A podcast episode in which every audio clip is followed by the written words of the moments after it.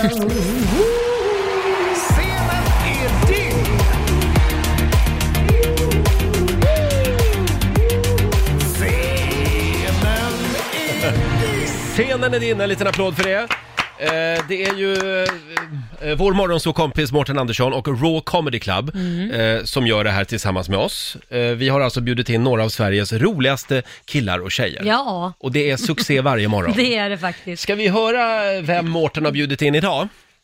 Ja, Hallå det- mina vänner! Det är torsdag och det är dags för veckans sista stand-up. Eh, Det här är en tjej som kommer från Finland. Men eh, tur för oss att hon flyttade därifrån och kom till Sverige istället där hon har gjort kometkarriär. Hon har synts i Comedy Central-programmet Flickstreck tillsammans med Elin Almen och hon är verkligen en av mina stora favoriter, de nya stjärnorna på Raw. Så ge en varm applåd nu för nu blir det kul. Här är hon, Josefin Sonck. Ja, en liten applåd för Josefin!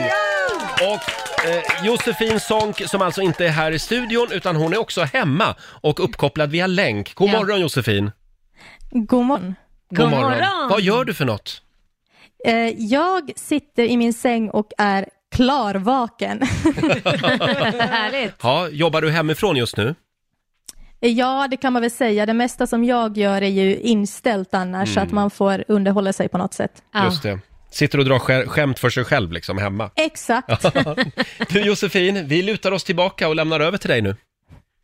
Ja, nej men jag tänkte på det här att eh, man har ju väldigt mycket tid att läsa böcker just nu. Och eh, jag läste en sån här självhjälpsbok och den är så full av övningar man kan göra för att få bättre självkänsla. Till exempel så var det en övning där man ska ställa sig naken framför en spegel och så ska man säga snälla saker till sig själv och då ska man få jättebra självkänsla. Och jag testade det här men det funkar inte så bra därför att det enda jag fick fram var Josefin, du är söt, men varför står du inne på Bauhaus och visar fittan?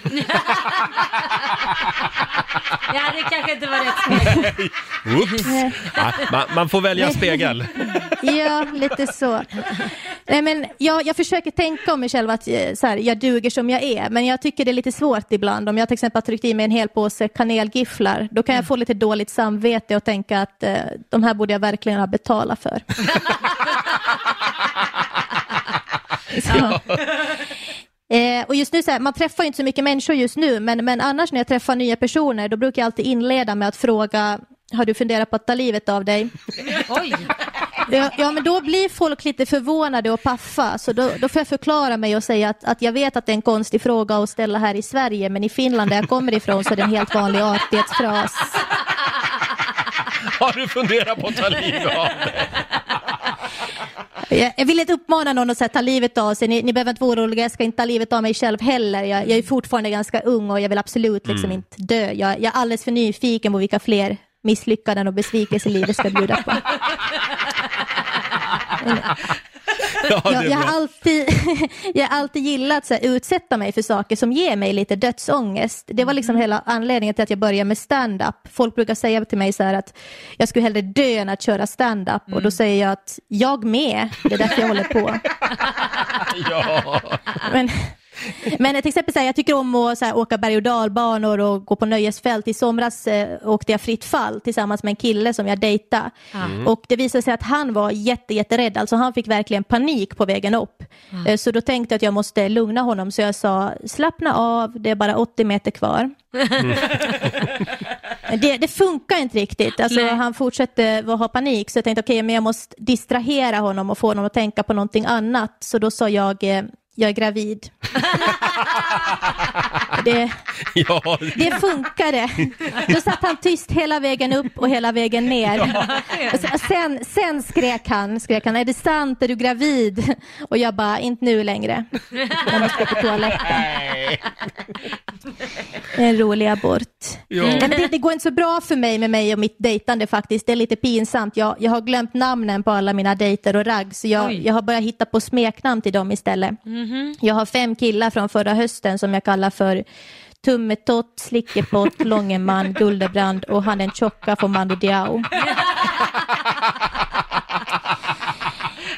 Hörni, det var nog allt för mig. ja. Josefin Sonck får en applåd av oss.